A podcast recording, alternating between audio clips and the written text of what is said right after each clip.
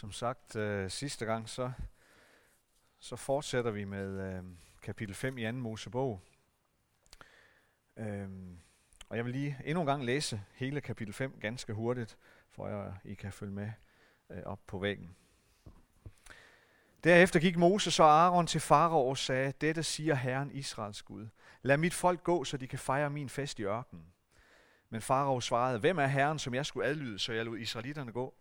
Jeg kender ikke Herren, og jeg vil ikke lade israelitterne gå. Så sagde de, Hebræernes Gud har mødt os. Lad os få lov til at gå tre dagsrejser ud i ørkenen og ofre til Herren vores Gud, for at han ikke skal ramme os med pest eller svær. Men Ægypterkongen svarede dem, Moses og Aaron, hvorfor tilskynder I folket til ikke at bestille noget? Gå ud til jeres tvangsarbejde. Og farao sagde, nu er det blevet talrigere end landets egen befolkning, og så vil I skaffe dem fri for deres tvangsarbejde. Samme dag gav farao folket slavefoder og arbejdsformændene den befaling. I må ikke længere give dem halm til fremstilling af teglsten, som I hidtil har gjort. Lad dem selv gå ud og samle halm, men pålæg dem at levere den samme mængde teglsten som hidtil. I må ikke skære ned på det. De er dogne. Det er derfor, de råber op om, at de vil ud og ofre til deres Gud. Mændene skal være beskæftiget med strengt arbejde. De skal ikke lytte til falsk tale. Så gik slavefoderen og formænd ud og sagde til folket, Dette siger Faro, jeg vil ikke levere jer halm. Gå selv ud og skaffe jer halm, hvor I kan finde det. Men der bliver ikke skåret ned på det arbejde, I skal yde.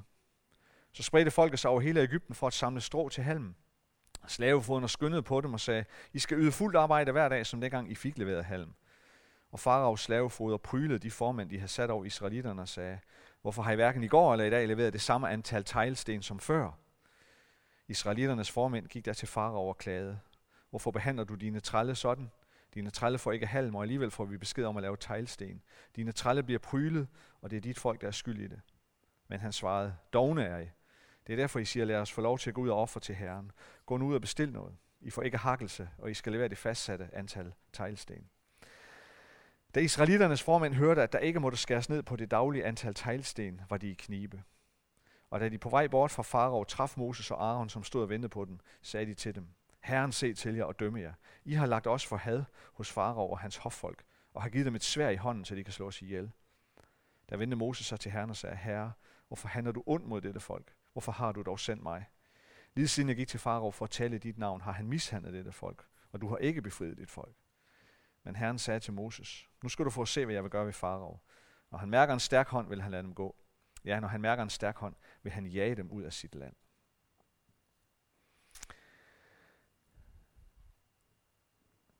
Kapitel 5, det handler om skuffelser. Og øh, som Trine var inde på inden, så skuffelser er mange ting. Vi kan blive skuffet over mange ting. Og det vi sådan ligesom fokuserer lidt på her, det er, det er, den, det, det er den der skuffelse, vi kan opleve, når vi, øh, når vi, når vi oplever, at, at Gud ikke agerer på den måde, som vi forventer.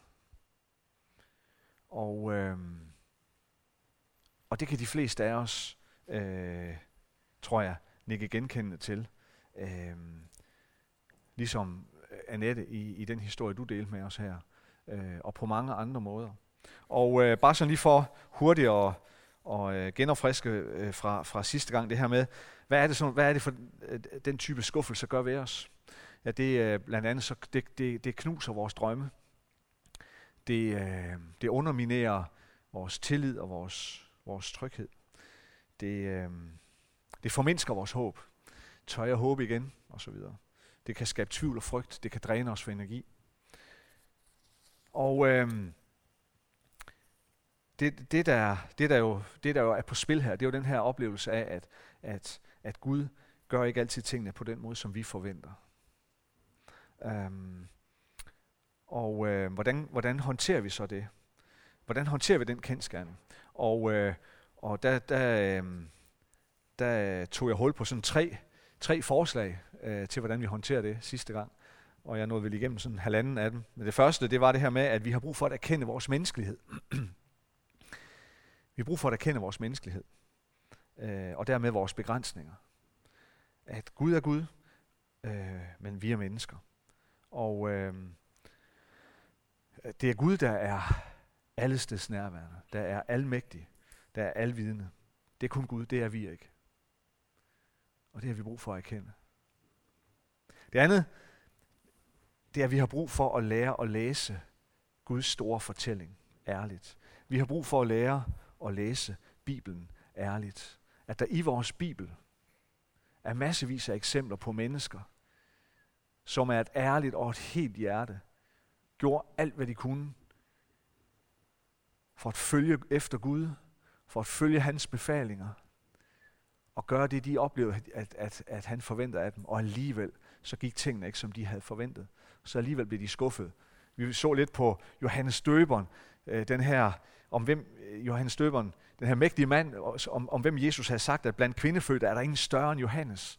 Og han havner i fængsel og sidder der og tænker, hvad er nu det her for noget? Jeg er jo kaldet til at være, jeg skal bane vejen for Kristus. Og så sidder Johannes der, Johannes Døberen der i fængsel og kommer i tvivl og sender sine disciple hen til Jesus og siger, vi skal spørge fra Johannes, er du den, som kommer? Er du Kristus, eller skal vi vente en anden? Og så er det, at, at at øh, øh, Jesus sender Johannes' disciple tilbage med den her besked. Gå hen og fortæl.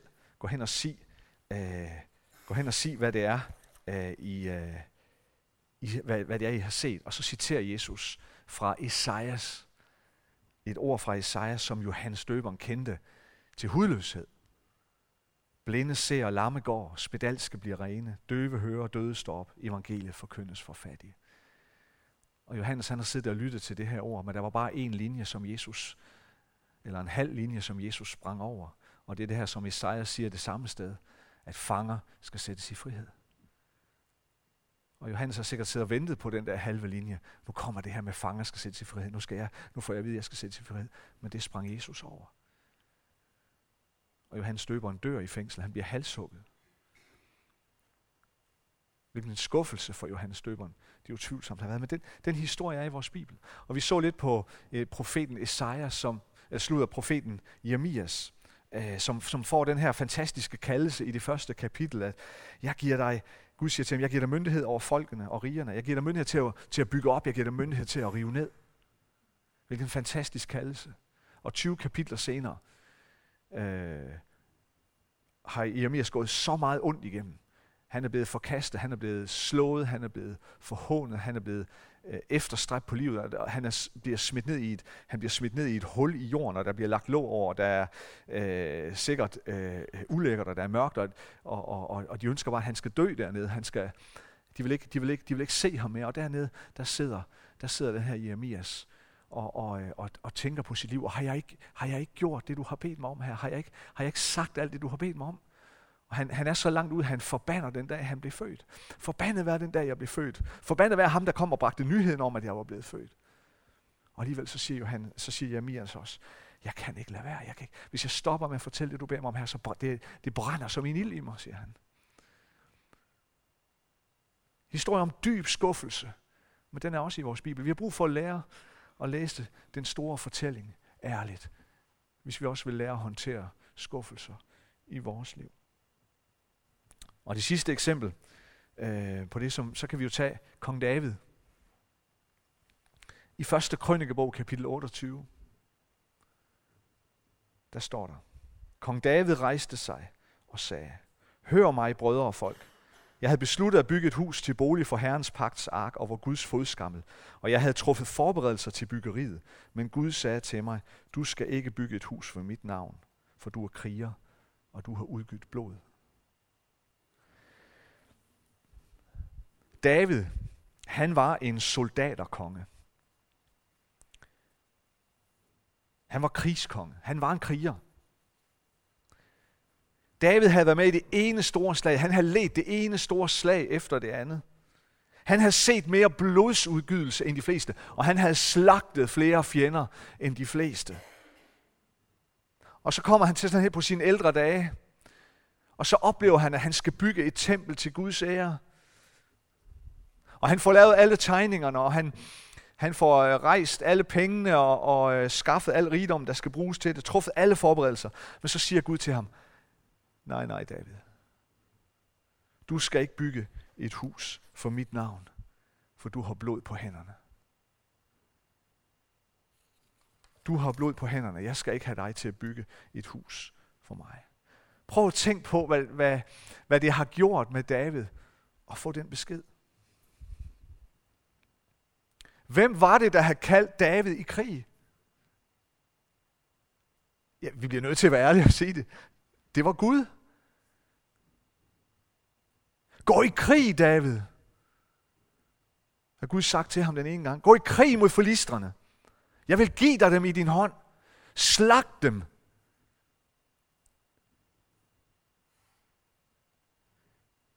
Kan man så fortænke David i, hvor han står der nu mange år senere med alle sine byggeplaner, og det hele er klart. Og så bliver han stoppet med den her begrundelse, at han har blod på hænderne. Kan man så fortænke ham i, hvis han siger, ja, det har jeg. Det ved jeg godt. Men jeg har gjort, hvad du bad mig om. Har jeg ikke handlet, som du har bedt mig om? Har jeg ikke handlet på dine bud? Kan man fortænke David i, hvis det har resulteret i en stor skuffelse for ham? Først at blive bedt om på Guds vegne at gå så gruelig meget, meget en blodsudgydelse igennem. For så på sine ældre dage at opleve at blive sat ud på sidelinjen af den grund, at man har gjort, hvad man er blevet bedt om. Gud agerer bare ikke altid, som vi forventer det. Fordi vores forventninger, de er jo grundlagt ud fra det med, at, at vi ser jo, vi ser jo kun i brudstykker. Vi ser kun stykkevis. Vi, vi, vi forstår stykkevis, og vi konkluderer stykkevis. Kun Gud er almægtig og alvidende og allesteds nærværende. Og hvis vi vil lære at håndtere skuffelser i vores liv, så må vi også lære at læse Guds store fortælling ærligt.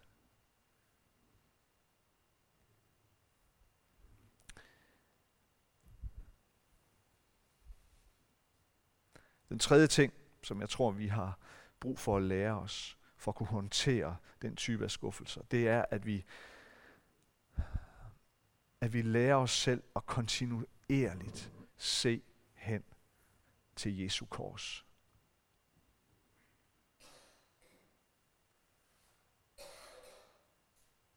Korset og den tomme grav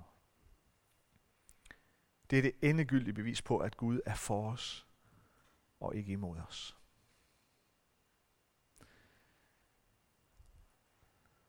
Der kan, der kan komme så mange ting på vores vej, på vores livsvej, hvor vi indimellem kan komme, stoppe op og tænke, er Gud egentlig for mig? Lad os anerkende det. Men korset og den tomme grav. Det er det endegyldige bevis på, at Gud er for os og ikke imod os. I Johannes evangelie kapitel 16 og vers 33, der siger Jesus, Sådan har jeg talt til jer, for at I skal have fred i mig. I verden har I trængsler, men vær frimodige. Jeg har overvundet verden. I verden har I trængsler. Men vær frimodig. For den selvsamme verden har jeg overvundet.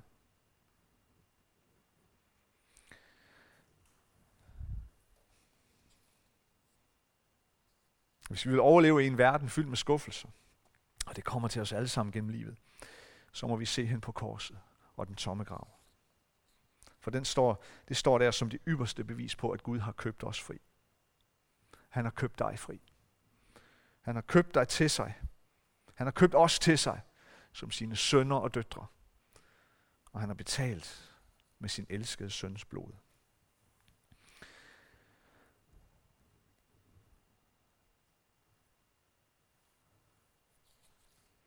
Når vi nu læser kapitel 5 her i 2. Mosebog,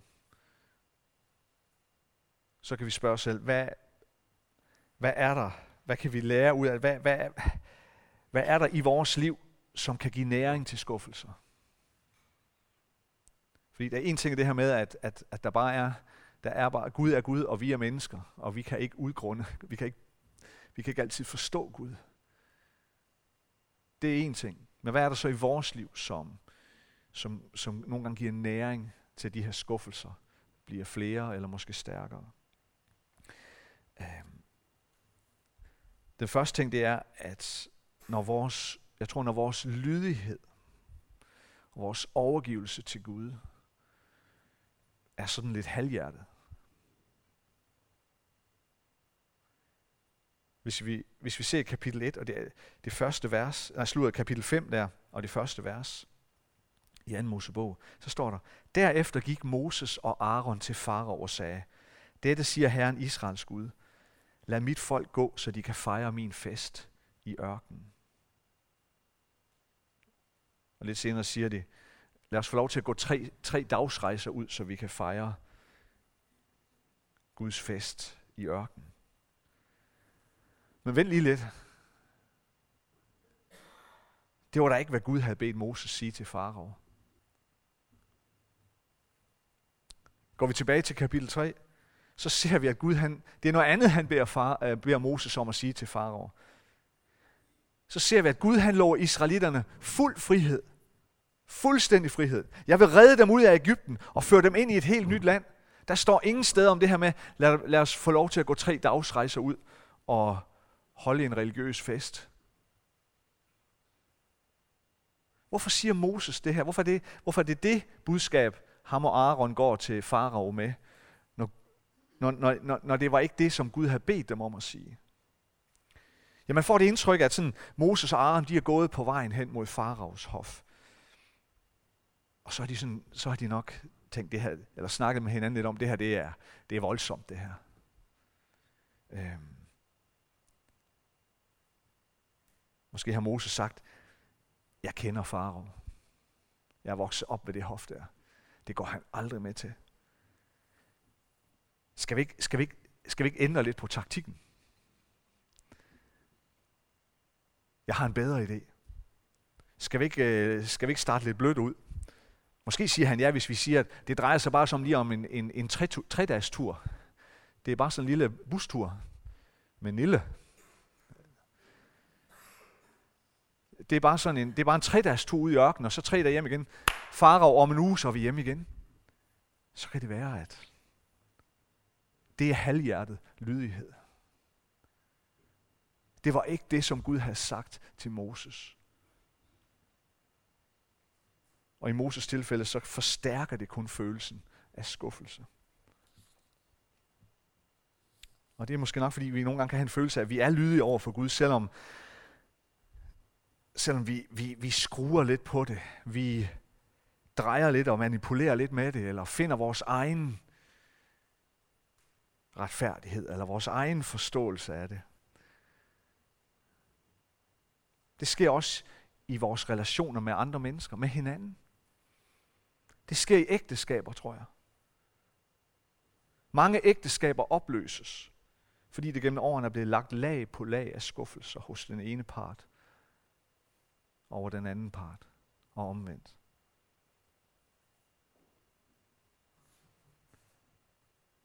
Men skuffelser af den slags forstærkes, hvis ikke man er dybt overgivet til hinanden i sådan en relation. Vi kommer til at skuffe hinanden gennem årene, uanset hvad, i et ægteskab. Vi er brudte mennesker. Men jeg tror, at måden til at komme igennem skuffelser i et ægteskab og besejre dem, det er at være totalt overgivende til hinanden. Og lydige over for hinanden. Vi kan simpelthen også overføre det til det at være en del af en menighed som vores. Vi kommer også til at skuffe hinanden. Der kan være skuffelser på tværs af det ene og det andet, på tværs af generationer, eller på tværs af holdninger, på tværs af spiritualitet, på tværs af så mange forskellige ting. Men den eneste måde at besejre de skuffelser, vi kan opleve, at andre mennesker i menigheden giver os, det er at være dybt overgivet til hinanden. Og jeg tror, der er en dyb sammenhæng mellem det at være overgivet til hinanden, og så det at være lydig over for Gud.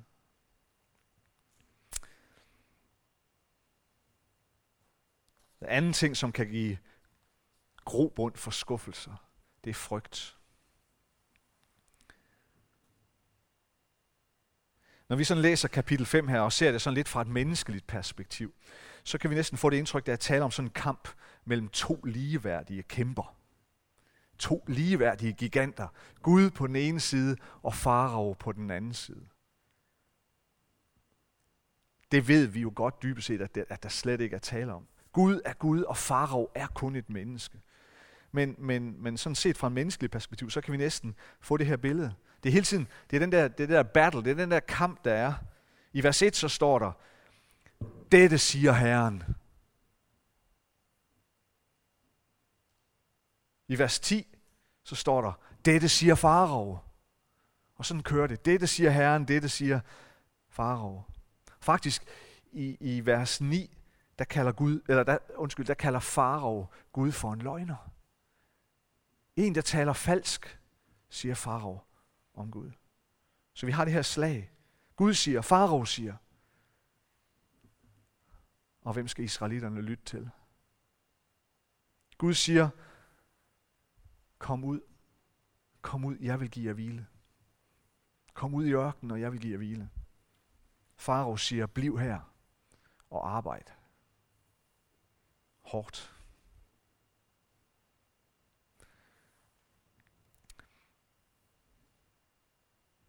Det interessante er, at, at, at det, det hebraiske ord for slave og det hebraiske ord for tilbede, det er det samme ord.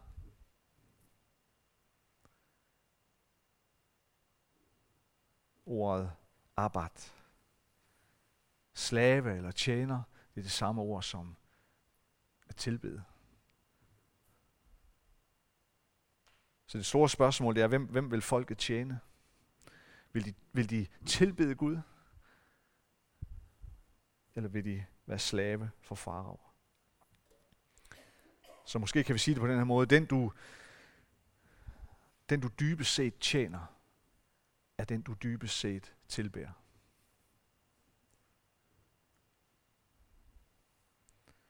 Den du dybest set tjener, er den du dybest set tilbærer. Det er noget af det samme, Jesus han er inde på, når han siger, hvis du, hvis du undrer dig lidt over, hvor dit hjerte er henne, så kig på din tegnebog. Han siger det på en lidt anden måde. Han siger, at der hvor din skat er, der vil dit hjerte være. Fordi den du tjener, er den du tilbærer. Men frygten for farao hos israelitterne har overmandet dem. Og det er jo ikke sådan, at vi ikke, vi ikke kan finde forståelse for deres situation. Selvfølgelig kan vi det. Men den frygt, de nærede for farao, gav grobund også til deres skuffelser. Den sidste ting omkring det her med, hvad det er, der giver grobund og næring til vores skuffelser, det er glemsomhed.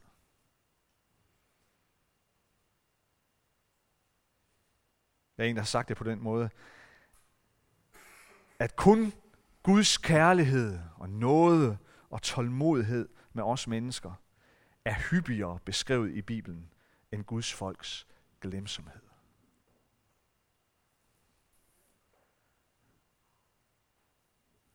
Næst efter Guds kærlighed og hvordan det er beskrevet i Bibelen, så er det Guds folks glemsomhed, der er beskrevet i Bibelen.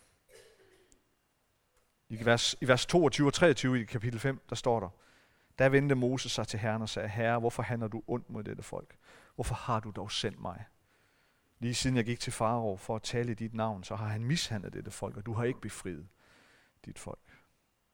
Og det siger Moses, til trods for at Gud flere gange har beskrevet for ham, hvad der kommer til at ske. Og han har beskrevet, hvilken rækkefølge det kommer til at ske i. Igen og igen siger han, du skal gå til Farao, du skal sige til ham, hvad jeg har sagt. Men han vil gøre sit hjerte hårdt, og han vil ikke lade jer gå. Men jeg vil gøre tegn og under, og så vil han lade jer gå. Det, siger, det repeterer Gud. Det er rækkefølgen. Du skal gå til farver, du skal sige til ham, hvad jeg har sagt, men han vil være hårdhjertet, han vil ikke lade jer gå, men jeg vil gøre tegn og under, og så vil han lade jer gå. Men allerede efter første besøg hos farao, så har Moses glemt det. Hvorfor handler du dog ondt mod dette folk, siger han til Gud. Hvorfor har du kaldet mig til det her? På et sekund har Moses glemt om, hvad Gud tidligere har sagt til ham. Moses har glemt alle tidligere oplevelser med Gud. De er forsvundet som duk for solen. Men er vi ret meget anderledes end Moses? Er vi ikke lige så glemsomme? Hvad har du nemmest ved? Hvad falder, der, hvad falder der mest naturligt? At takke og prise Gud, når du har det godt, og alt kører på skinner derudad. Eller klage til Gud, når du har modgang, og tingene ikke går, som du gerne vil have det. Hvad falder der nærmest? Jeg kender desværre godt svaret fra mit eget vedkommende. Og det er ikke det svar, jeg er allermest stolt af. Det er vores glemsomhed i forhold til Guds godhed og noget over vores liv, som gør skuffelser så meget værre og så meget sværere for os at bære på, tror jeg. Så her til allersidst, de her to prædikner i søndags og i dag, de har ikke, det har du nok bemærket, de har ikke handlet om, hvordan vi undgår skuffelser. For ingen af os kommer gennem livet uden skuffelser. Men det har mere handlet om at forstå, og forstå skuffelser og håndtere dem på den rigtige måde. For kun Gud er Gud, og vi er kun mennesker.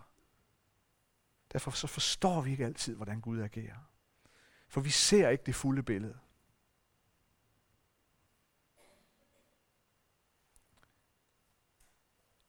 I det gamle testamente er der en fantastisk historie, som handler om det her med at, at imødegå en potentiel skuffelse på den rigtige måde. I Daniels bogen. Der hører vi om, hvordan Daniels tre venner, de står over for at blive kastet i en, i en ovn af flammende ild, fordi de ikke vil kaste sig ned og tilbede, tilbede en guldstøtte af kong Nebuchadnezzar, og dermed tilbede kong Nebuchadnezzar som Gud. De vil kun tilbede Israels Gud. Og kong Nebuchadnezzar er rasende, og han vil smide dem ind i den her ovn. Og hvad siger I nu til det? spørger han dem om. Og så siger de, kommer det dertil, så kan vores Gud, som vi dyrker, redde os. Han kan redde os ud af ovnen med flammende ild og ud af din magt, konge. Og så siger de, og selvom han ikke gør det, skal du vide, konge, at vi ikke vil dyrke din Gud, og at vi ikke vil tilbede den guldstøtte, du har opstillet. Vi ved, at Gud kan gøre det. Vi tvivler ikke et sekund. Men uanset om han gør det eller ej, så vil vi kun tilbede ham. Det må være en nøgle for os. At kunne hvile i, at vores liv er i Guds hænder. Uanset hvad. Kunne hvile i, at dit liv, det er i Guds hænder. Uanset hvad. Om vi lever eller dør.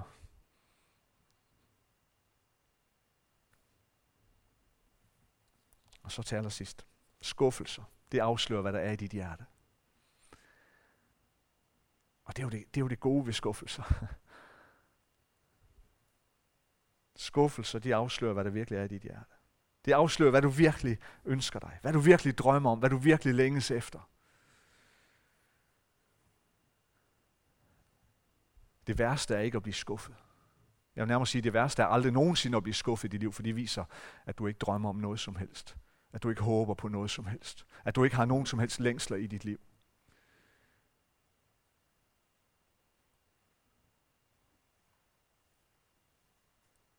Men når du bliver skuffet, så viser det, hvad du virkelig længes efter i dit hjerte. Og det er for det allermeste gode ting, du længes efter. Hvis du vandrer med Gud, så vil det i langt, langt overvejende grad være gode ting, du længes efter og drømmer om men som kan forårsage skuffelse, når det ikke kommer til at ligge i din hånd, som du har forventet. Vi mennesker er som en svamp. Det vi har suget ind, det kommer ud igen før eller siden, om ikke før så når vi bliver presset tilstrækkeligt hårdt. Og hvis du bliver skuffet, så viser det blot, hvad du drømmer om så viser det bare dit hjerte og din længsel Og i langt overvejende grad, så er det gode ting, når du vandrer med Herren. Amen.